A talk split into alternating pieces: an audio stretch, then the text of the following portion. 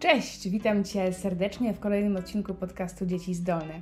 Ja nazywam się Julia Krzysztofiak-Szopa i nagrywam się dla Ciebie po to, aby pokazać Ci, jak możesz mądrze, fajnie i ciekawie wspierać swoje zdolne dziecko, zarówno w szkole, jak i w domu. Jeżeli to, co robię, jest dla Ciebie jakoś ciekawe, inspirujące, proszę koniecznie zasubskrybuj ten kanał, zostaw kciuka, dodaj go do ulubionych. Dzisiaj zaprosiłam do wspólnej rozmowy profesora Marcina Zajękowskiego, psychologa specjalizującego się w badaniu m.in. inteligencji i narcyzmu.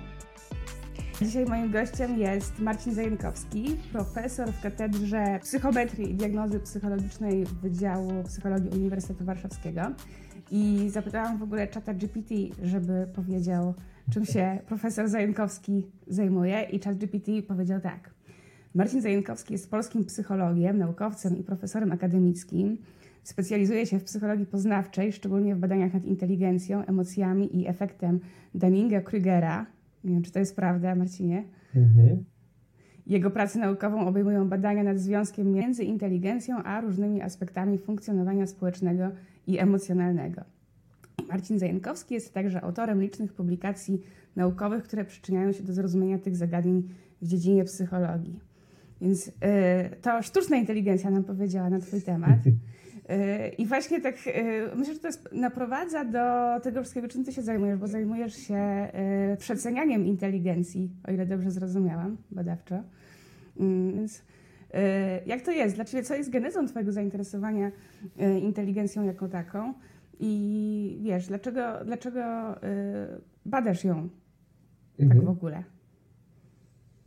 E, dziękuję za zaproszenie. Ten opis e, całkiem adekwatnie oddaje to, to czym się zajmuję. E, a inteligencją zainteresowałem się już wiele lat temu, myślę, że z 15 pewnie. I zawsze mnie interesowały związki oso osobowości z inteligencją, to znaczy jak osoby o pewnych cechach rozwijają swoją inteligencję lub na odwrót, jak inteligencja wpływa na pewne cechy. I to mnie doprowadziło do takiego, e, do takiego e, nurtu, w którym bada się też to, jak ludzie spostrzegają swoją inteligencję, swoje zdolności.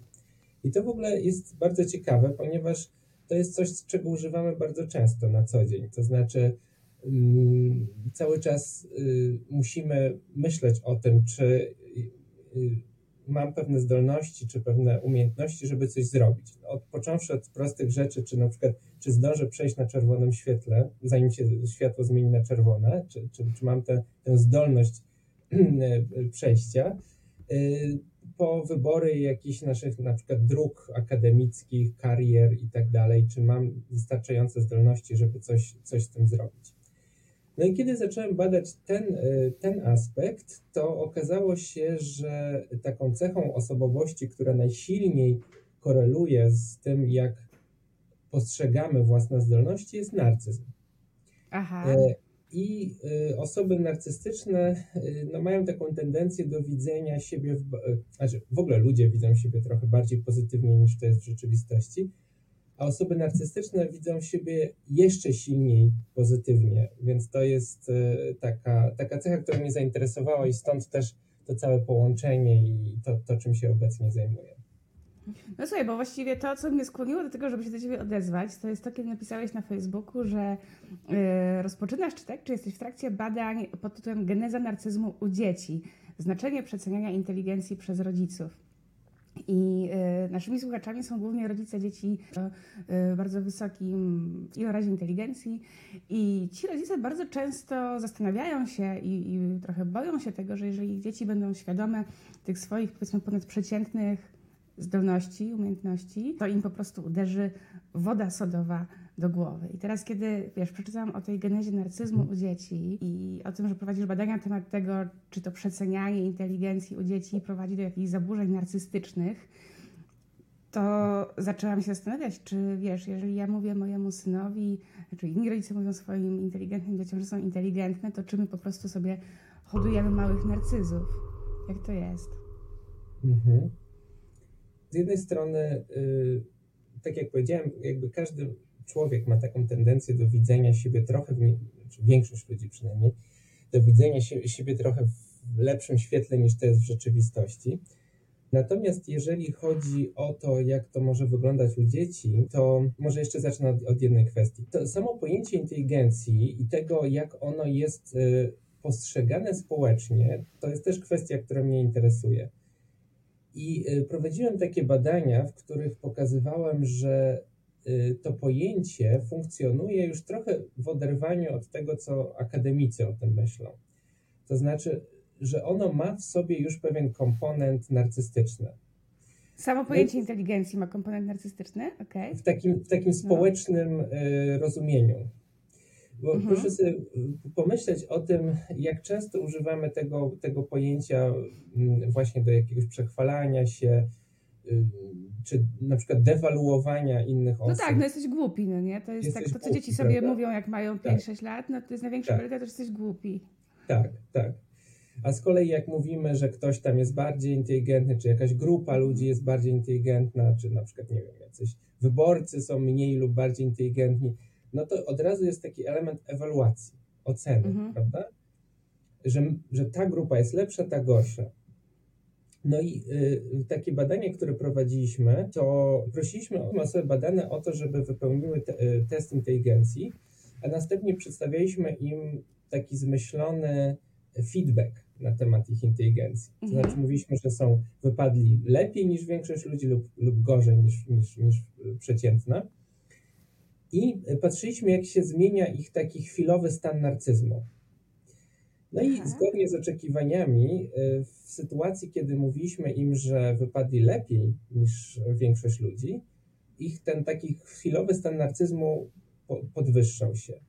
Natomiast u osób, które mówiliśmy, że ich inteligencja jest niższa niż w większości, no to jakby ten efekt był gorszy, to znaczy uważali siebie za mniej inteligentne. E, I to jakby trochę pokazuje, że samo już to powiedzenie komuś, prawda, że jesteś inteligentny czy nie, pociąga za sobą takie trochę myślenie o sobie wielkościowe, jestem jakiś wyjątkowy i tak dalej. Więc y, jakby samo to pojęcie już funkcjonuje społecznie jako, jako mające taką, taki element ewaluacji. Natomiast właśnie jak to jest u dzieci? Otóż y, te badania nad narcyzmem u dzieci są w ogóle dosyć takie świeże, że, że tak powiem, i nie ma ich dużo też. Ale y, tutaj taki główny nurt pokazywał y, badania sprzed paru lat, że taką główną przyczyną rozwoju narcyzmu może być y, to, że rodzice przeceniają swoje dzieci. To znaczy, innymi słowy, postrzegają je nieadekwatnie. I co za tym jeszcze idzie, z tego powodu wskazują, że one są wyjątkowe i zasługują na szczególne traktowanie. Czyli po pierwsze, ta ocena rodziców jest oderwana trochę od rzeczywistości, a po drugie, jeszcze do tego dochodzi taki element, że te dzieci, ponieważ są takie wyjątkowe w ocenie rodziców, zasługują na specjalne traktowanie i po, powinny być w ogóle jakoś zupełnie le, lepiej traktowane, więcej dostawać niż, niż inne dzieci. Ale ty, przepraszam, ci przerwę, to przez to specjalne traktowanie to mamy na myśli jakby w kontekście reszty dzieci, tak? W kontekście jakby środowiska, czyli nie to wymagasz innego traktowania nie wiem, niż, niż inni ludzie na świecie, no, bo jesteś mały, tylko niż inne dzieci, które są gdzieś tam w tej twojej kohorcie, tak? O, o to, o to chodzi, kiedy mówimy o tym tak, szczególnym tak. traktowaniu? Tak, no i oczywiście to już szczególne traktowanie w takim sensie, bo, bo w ogóle taką mówi się, że istotą narcyzmu jest roszczeniowość, czyli ja jestem lepszy i zasługuję na więcej we wszystkich kategoriach, prawda? Muszę być lepiej traktowany, muszę być uważany za, jako mm, najlepszy pod każdym względem, jakieś szczególne przywileje mi, są, mi się należą i tak dalej, prawda? Więc ta roszczeniowość tutaj i to zasługiwanie na więcej niż inni. No właśnie, to może tak powiedz, co to jest ten narcyzm, no nie? Bo też y, wszyscy mamy jakby taką obiegową trochę jakieś tam stereotypy, co to jest narcyzm. Nie wiem, że Donald Trump jest narcyzem, mhm. nie? To tak chyba wszyscy, wszyscy się z tym zgodzą. Y, znamy z mitologii narcyza, widzieliśmy Caravaggio, obraz był w Warszawie z narcyzem, ale y, czym jest narcyzm w psychologii? Na czym to polega? Mhm. Tak, to właśnie Donald Trump był często takim w memach i się pojawiał jako taki przykład, ale też on jest świetny. Ja cytowałem w moich pracach, y, bo on bardzo dużo mówił o swojej inteligencji. i mówił właśnie, że on jest mądrzejszy niż inni, a inni są, to nawet wprost kiedyś powiedział, sorry losers, but my IQ is mhm. the highest. Mhm. I to dobrze to obrazuje, to znaczy, mm, że, że jest ten element myślenia wielkościowego o sobie, ale też dewaluacji innych. Tak, to narcyzm to jest bardzo ciekawy i stary już konstrukt w psychologii. Już ponad 100 lat gdzieś tam krąży i na początku był rzeczywiście jako zaburzenie spostrzegane, a ostatnich tam kilkudziesięciu latach bada się go jako cechę osobowości. To znaczy, że każdy z nas posiada w jakimś stopniu tę cechę, ale ktoś może mieć bardzo niską, ktoś może mieć bardzo wysoką, albo gdzieś tam po środku. No i te osoby z, wysok z wysokim nasileniem narcyzmu e, to przede wszystkim mm, takim, może jeszcze dodam jedną rzecz, że wyróżnia się różne rodzaje tego, e, tego narcyzmu. I takim prototypowym narcyzmem nazywa się wielkościowy, tak zwany wielkościowy narcyzm. I to są osoby, które y, myślą właśnie o sobie, że są mm, wspaniałe, że są y, wyjątkowe, ale mm, też z tym idzie taki element tego porównania z innymi, że nie, nie tylko jestem wspaniały czy wspaniała, ale jestem lepszy, lepsza niż inni, i właśnie to, ta roszczeniowość, czyli zasługuję na więcej, ponieważ jestem taką wspaniałą osobą, to powinienem czy powinnam dostawać więcej. Yy, mi się więcej należy yy, społecznie, ja powinienem dostać więcej i tak dalej.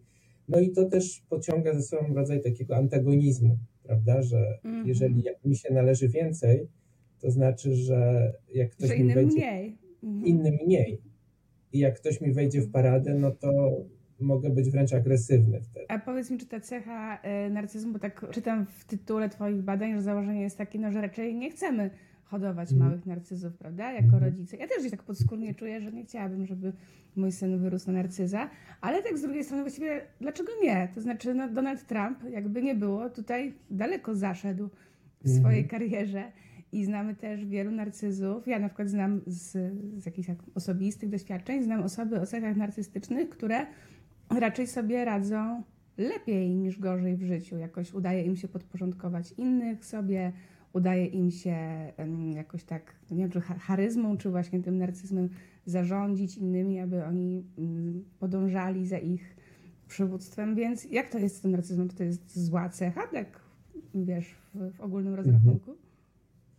Tak, to jest bardzo ciekawe też pytanie i, i y, wydaje mi się, że ona jest bardzo złożona, ma bardzo złożone konsekwencje. Tak, z jednej strony osoby tak wielkościowo narcystyczne, dla nich samych, one się zazwyczaj ze sobą dobrze czują i są zadowolone z życia. Często ten narcyzm wielkościowy łączy się z ambicjami, z osiągnięciami, realnymi osiągnięciami, z takim napędem prawda? Też takim, że y, chcę zdobywać różne rzeczy, chcę osiągać y, i często osiągałem tak, nawet prezydenturę, prawda, czy, czy, czy jakieś tam wybitne osiągnięcia, że to jest taki, daje napęd.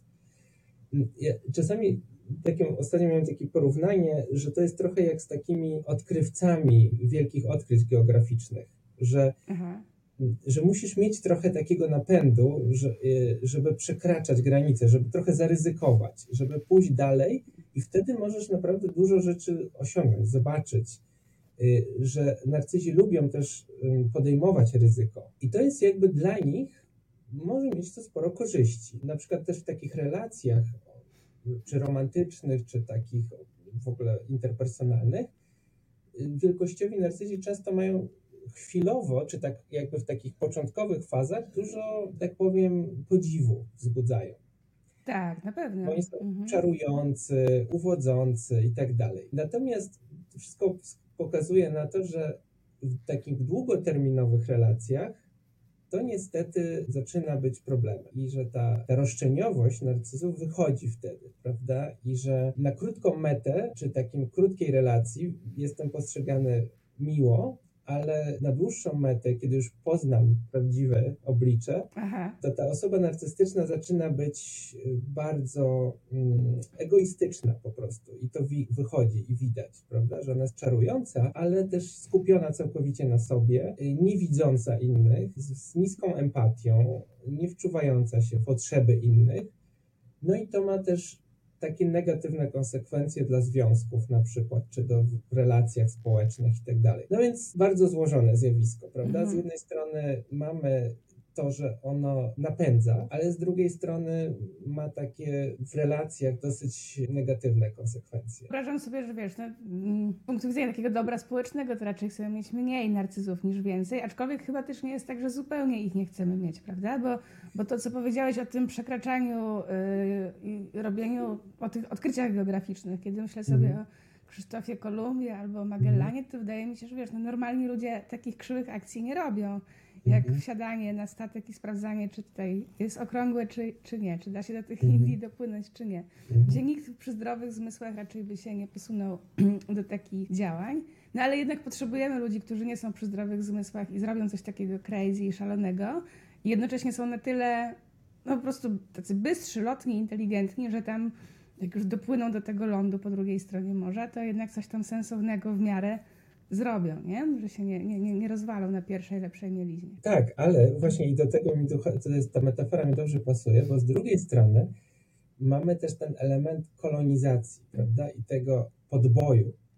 E, I to Tak. mi się ba- też bardzo pasuje do na, narcyzmu, że y, ryzykuję, odkrywam, ale jak już coś odkryję, to podbijam, to znaczy podporządkowuję sobie, to jest moje, ja dominuję, to jest moja ziemia i jakby już mnie to jakby nie interesuje. I daje sobie takie Tak. prawo do dominacji, nie? Tak, Tam się nie, tak. nie cackam z tym, czy tutaj tak. empatia i takie rzeczy, tak. tylko Tak. nasze, moje, no. Tak. To, to może jeszcze jedną rzecz wtrącę, Aha. bo te, teraz y, y, wśród, w tym narcyzmie zaczęto naprawdę rozróżniać jakieś jego przeróżne podtypy. Jed, jest jeszcze taka koncepcja powstała a propos tego, na ile to jest dobre społecznie, narcyzmu wspólnotowego. Że niektóre osoby na przykład mogą e, karmić to swoje ego poprzez takie w sumie społecznie pożądane rzeczy typu e, jakieś prospołeczne akcje i tak dalej, ale robią to z takich pobudek właśnie Narcystycznych, tak? narcystycznych, tak. No i trudno powiedzieć, czy to jest dobre, czy złe. No, społecznie na przykład może mieć dobre konsekwencje, prawda? A, a, a dla nich jest to po to tak jakby, żeby pokazać swoją też wy- wyższościowość, czy wielkościowość taką moralną. wręcz. Czyli z tego, co mówisz, to by wynikało, że, że przepraszam, że wejdę w słowo, ale mm, wiesz, to tak z, punktu widzenia rodzica znów, sporo jest na rynku jakichś takich ofert edukacyjnych, y, które obiecują, że zrobią z twojego dziecka geniusza, nie? Że twoje, y, i, i których tym założeniem y, głównym jest to, że każde dziecko jest tak samo zdolne i to jest tylko, i wyłącznie kwestia no, stworzenia odpowiednich warunków rozwoju i, i można tego geniusza sobie wyhodować. I ja się częściowo zgadzam z tym, że tak naprawdę bardzo dużo, dużym wpływem na nasz rozwój są warunki, w jakich się znajdujemy i to, ile tej stymulacji dostajemy, ale abstrahując od tego, myślę, że, że to nie zawsze jest warte. To znaczy takie tworzenie, tworzenie geniusza, w cudzysłowie, może być czasami nawet bardzo, bardzo szkodliwe nie? Dla, dla młodego człowieka, no bo to przychodzi dla niego z dużym wysiłkiem. I ja wiem, że gdyby mnie ktoś wziął, nie wiem, pięcioletnią i próbował ze mnie zrobić baletnicę, to myślę, że to by było okupione olbrzymim cierp- no cierpieniem, ale wielkim wysiłkiem z mojej strony. Nigdy nie było to coś, co przychodziło mi łatwo, ale myślę, że gdybym ćwiczyła tam, wiesz, ileś godzin tygodniowo, to może bym jakąś tą, tą baletnicą mogła nawet zostać. I teraz, wiesz, zastanawiam się, kiedy mówimy o tym przecenianiu inteligencji, czy my jesteśmy w ogóle w stanie jakoś, jakoś zmierzyć inteligencję, ale w taki sposób, który jest obiektywny i który po- po- potrafi rodzicowi powiedzieć, słuchaj, twoje dziecko jest na poziomie, na którym to będzie go zbyt dużo kosztowało. Nie? Tutaj nie Mhm. warto stawiać tak wysoko poprzeczki i, i, i przeceniać tych, tych możliwości. Czy też raczej to jest nie, niemierzalne, a przynajmniej na etapie, kiedy, kiedy jesteś dzieckiem, powiedzmy kilku, nie wiem, pięcio, dziesięcioletnim. Y, Nie, to jest oczywiście mierzalne i y, to jest też dobry przykład właśnie na przykład z tym baletem czy czymś takim, czyli żeby dobrze rozpoznać, w czym to dziecko jest dobre, prawda? Bo mówimy tutaj o inteligencji ogólnej, ale ona też się składa z jakichś zdolności bardziej szczegółowych. I e, czasami jest tak, że ten poziom inteligencji ogólnej e, może być powodowany jakimś też, na przykład niski czy wysoki, tym, że dziecko ma jakieś większe zdolności w jakichś konkretnych działaniach. I to, co chyba jest dobre, to tak, żeby próbować, zobaczyć, tak, możesz pójść na takie zajęcia, zobacz, jak się tam czujesz, albo na takie i, e, i jakby monitorować to, czy to rzeczywiście pasuje, czy to dziecko daje radę, nadąża, czy może coś innego, prawda? I żeby dobrze rozpoznać, gdzie, e, gdzie, gdzie, może, gdzie może się spełnić, e, w których miejscach, w których ma bardziej rozwinięte jakieś zdolności, w których mniej. Co do samej inteligencji, oczywiście tak, mamy odpowiednie narzędzia do, do testowania, do, do sprawdzania tego, ale wydaje mi się, że chyba w tym też wczesnym wieku dobrze jest przyglądać się takim bardziej szczegółowym zdolnościom i, i, i to, to gdzieś tam próbować rozwijać. Kiedy masz, mówisz szczegółowe zdolności, masz na myśli takie w konkretnych dziedzinach na przykład zdolności, nie wiem, powiedzmy matematyczne albo plastyczne, muzyczne, tak? Coś, coś takiego? Tak, tak, tak, tak, coś takiego właśnie, żeby popróbować te, te różne obszary, prawda, gdzie, gdzie to, jak to wygląda, jak się tam czujemy w tym. Powiedz, kiedy prowadzisz badania, czy zaczniesz prowadzić badania związane z przecenianiem inteligencji, tą genezą narcyzmu u dzieci, e, czyli to, o czym, o czym mówiłeś mi też wcześniej przez telefon. E, opowiedz trochę o tym, jak chcesz, jak chcesz do tego podejść, jeżeli w ogóle możesz do tego podejść, żeby sprawdzić, czy rzeczywiście, wiesz, mamy do czynienia z przecenianiem, bo mhm. niektórzy rodzice dzieci uzdolnionych, mm, oni są trochę postrzegani na zewnątrz jako osoby przeceniające swoje dzieci, podczas gdy tam naprawdę jest tak, jak jest. To znaczy, te dzieci są rzeczywiście y, bardzo ponadprzeciętnie uzdolnione, bardzo wyprzedzają swoich rówieśników i y, absolutnie nie ma do czynienia z przecenianiem. No nie? Mimo, że odbiór społeczny jest taki, że, że jesteś mamusią, tatusiem, który bardzo przecenia swoje dziecko, no przecież to niemożliwe, żeby ono było aż tak. Tak, dlatego to mnie w ogóle też zainteresowało, że tych wcześniejszych badaniach y, badacze nie zwracali uwagi, jak to jest w rzeczywistości. Czy te dzieci może rzeczywiście są po prostu zdolne i te, te, ci rodzice takich postrzegają. Mm, więc chcemy przebadać rzeczywisty poziom inteligencji tych dzieci. To będą dzieci, myślę, około od 8 do 10 lat, coś takiego. Y, dlaczego też taki wiek? Y, mówi się o tym, że w tym okresie mniej więcej jakby zaczyna się rodzić taki obraz siebie też. E, czyli, że dzieci mogą po pierwsze widzieć siebie na tle innych, jacy są, na przykład, że tam w jakichś aspektach e, są szybsi albo gorsi i tak dalej. I że to też może się przeradzać na jakieś takie bardziej globalne sądy o sobie, e, czyli takie powiedzmy podwajiny różnych osobowościowych cech wtedy się gdzieś rodzi. I chcemy zbadać rzeczywisty poziom inteligencji tych dzieci, e, to jak one o sobie myślą, e, też, jak, jak, co, co one o sobie sądzą i co sądzą o nich rodzice.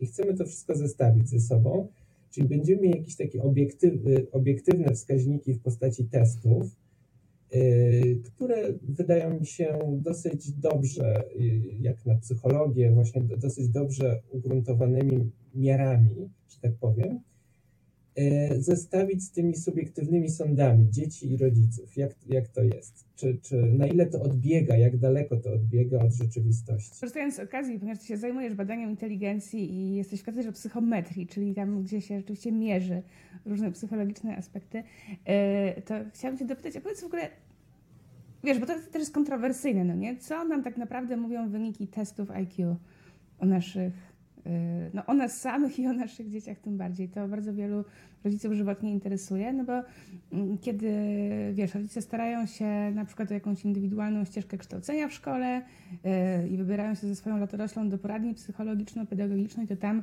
się y, tym dzieciom różne testy robi. Robi się testy mhm. Stanforda Bineta, mhm. Te matryce Ravena, o których mówiłeś, e, i Wexlera, o ile dobrze też pamiętam. Mhm. No i teraz rodzice dostają tam jakiś wynik, a właściwie nawet go nie dostają, ale jak poproszą, to dostaną.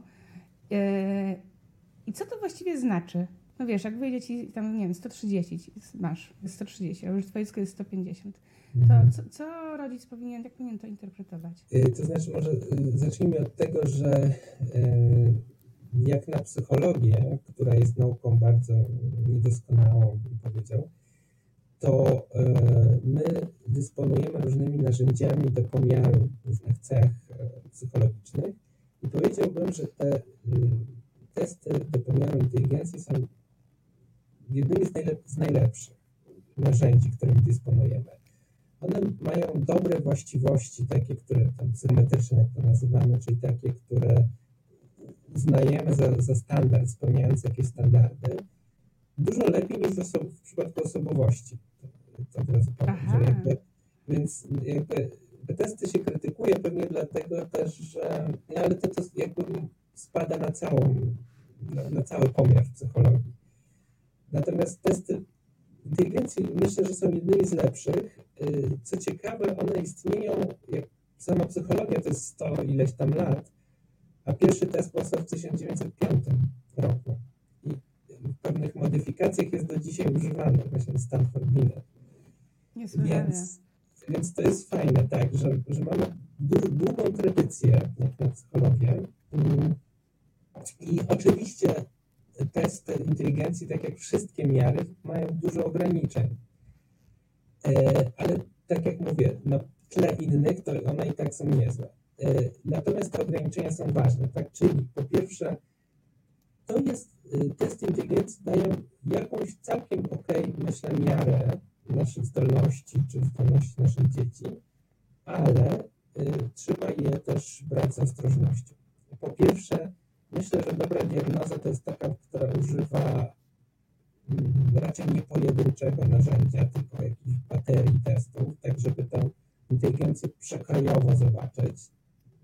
Test Wexlera czy test Stanford są takimi przekrojowymi testami, gdzie mamy wiele różnych aspektów, prawda? Czyli nie tylko czy przestrzenne zdolności, ale werbalne, społeczne, no przeróżne jakieś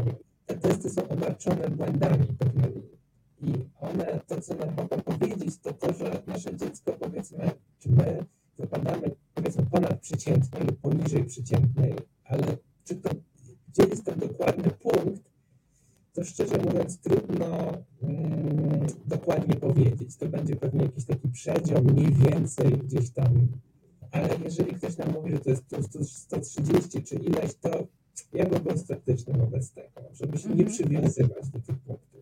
A powiedz mi, czy takie... No. Tak, tak z, grubsza, taka grubsza, z grubsza informacja, że powiedzmy jest to raczej ponadprzeciętne lub coś takiego. Poszukując jeszcze y, różnych Twoich publikacji w internecie, bo oczywiście sobie poszukałam zanim y, zaczęliśmy, się, dzisiaj się połączyliśmy, to gdzieś napotkałam na Twój artykuł, który zajmował się relacją pomiędzy IQ a PKB. Ja go oczywiście nie przeczytałam, y, tego artykułu, sam nagłówek, jak prawdziwy konsument treści w internecie. E, czy ty byś mógł coś e, powiedzieć na ten temat? To znaczy, czy, spo, czy społeczeństwa, w których. No w ogóle nie, opowiedz nam o tym, o czym jest ten, ten, ten tekst i jaka tam przyświeca, przyświeca pomysł temu. Jeśli możesz i chcesz, oczywiście. Tak, to było jakieś takie badanie. Pewni badacze próbowali oszacować inteligencję różnych krajów. I, natomiast my tam pokazywaliśmy, że, to, że, że, że te, te dane rzeczywiście przekładają się na takie inne wymiary sukcesu, na przykład PKB krajów? Czyli im wyższa inteligencja, tym kraje były bogatsze. Ale to wszystko łączyło się, jakby wynikało z tego, że może tak, jak, jak mówimy o samej inteligencji, to w psychologii taką najogólniejszą definicją inteligencji jest to, że to jest adaptacja do środowiska, czy efektywna adaptacja do środowiska. Czyli innymi słowy, im wyższa inteligencja, tym człowiek sobie powinien lepiej radzić.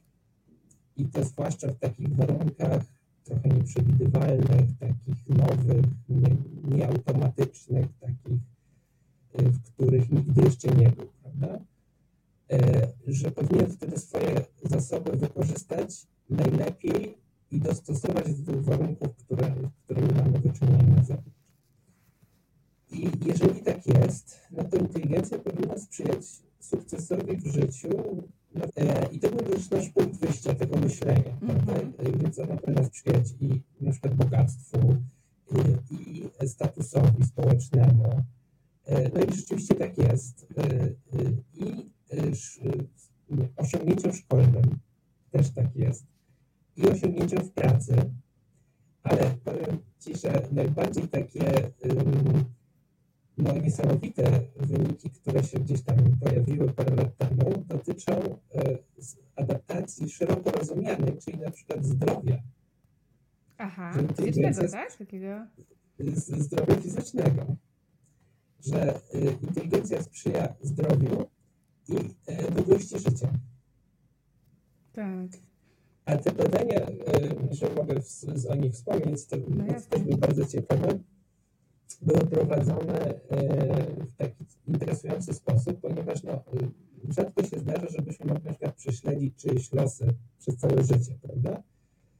Natomiast e, takie bardzo ciekawe dane pochodzą ze Szkocji.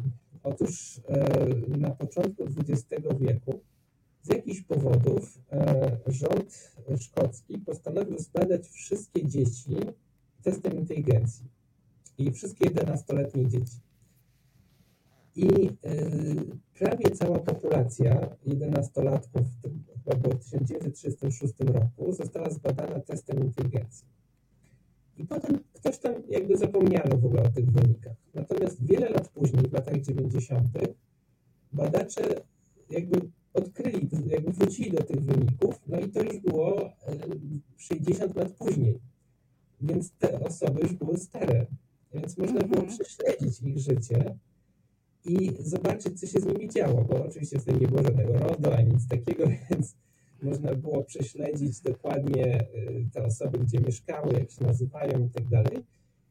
I z tych danych wynikało, że rzeczywiście inteligencja sprzyjała zdrowiu, to znaczy te osoby z wyższą inteligencją w wieku lat 11 mniej chorowały na różne, na przykład nowotwory, jakieś tam inne choroby i dłużej żyły. To znaczy dłużej przeżywały. Więc y, to jest tylko jeden, jeden oczywiście z takich danych, ale jest ich dużo, które na to wskazują, że, że ta inteligencja sprzyja adaptacji, bardzo szeroko rozumianej adaptacji, prawda? Fascynujące. Y, czy powtarzano, powtarzano takie badania jeszcze y, później, gdzieś indziej? Czy to jest tak, jeden tak, taki tak. punkt? Nie, nie, oczywiście są też z innych krajów, z innych danych też pokazujące, że ta inteligencja sprzyja długości życia, zdrowiu, co oczywiście też można tłumaczyć różnymi mechanizmami, takimi jak na przykład to, że ta inteligencja pozwala nam łatwiej się odnaleźć w życiu, prawda? Y, łatwiej. Może też dokonywać lepszych wyborów, nie? Dotyczących zdrowia. Y, tak jest. Lepiej, lepiej tak. rozumieć na przykład mechaniki, które tam nie wiem, odpowiadają za jakieś, jakieś choroby po prostu. Tak, tak. I co trzeba zrobić, co jest adekwatnie, zdecydować, wybrać. Dla mnie zresztą takim ciekawym przykładem, e, niestety nie robiłem wtedy badań, ale była pandemia, w której e, mamy do czynienia z zupełnie nową sytuacją, zaskakującą, w której jest tyle rzeczy do przetworzenia, typu e, co działa, czego unikać, jak się zachowywać, czy szczepionki działają, czy nie, jak, które lekarstwa i tak dalej i, i, ta inteligencja powinna wtedy też bardzo sprzyjać e, e, odnalezieniu się w tej sytuacji. Prawda? To, to by było bardzo ciekawe sprawdzenia, jak y, tam się korelowały wyniki testów IQ z, z noszeniem maseczki na przykład. Ale to myślę, że będziesz musiał poczekać do kolejnej pandemii na taką kolejną możliwość. Tak, to, to jest zaskakujące wydarzenie. Które... Ale chyba, chyba niekoniecznie Ci tego życzę tak naprawdę. Niestety.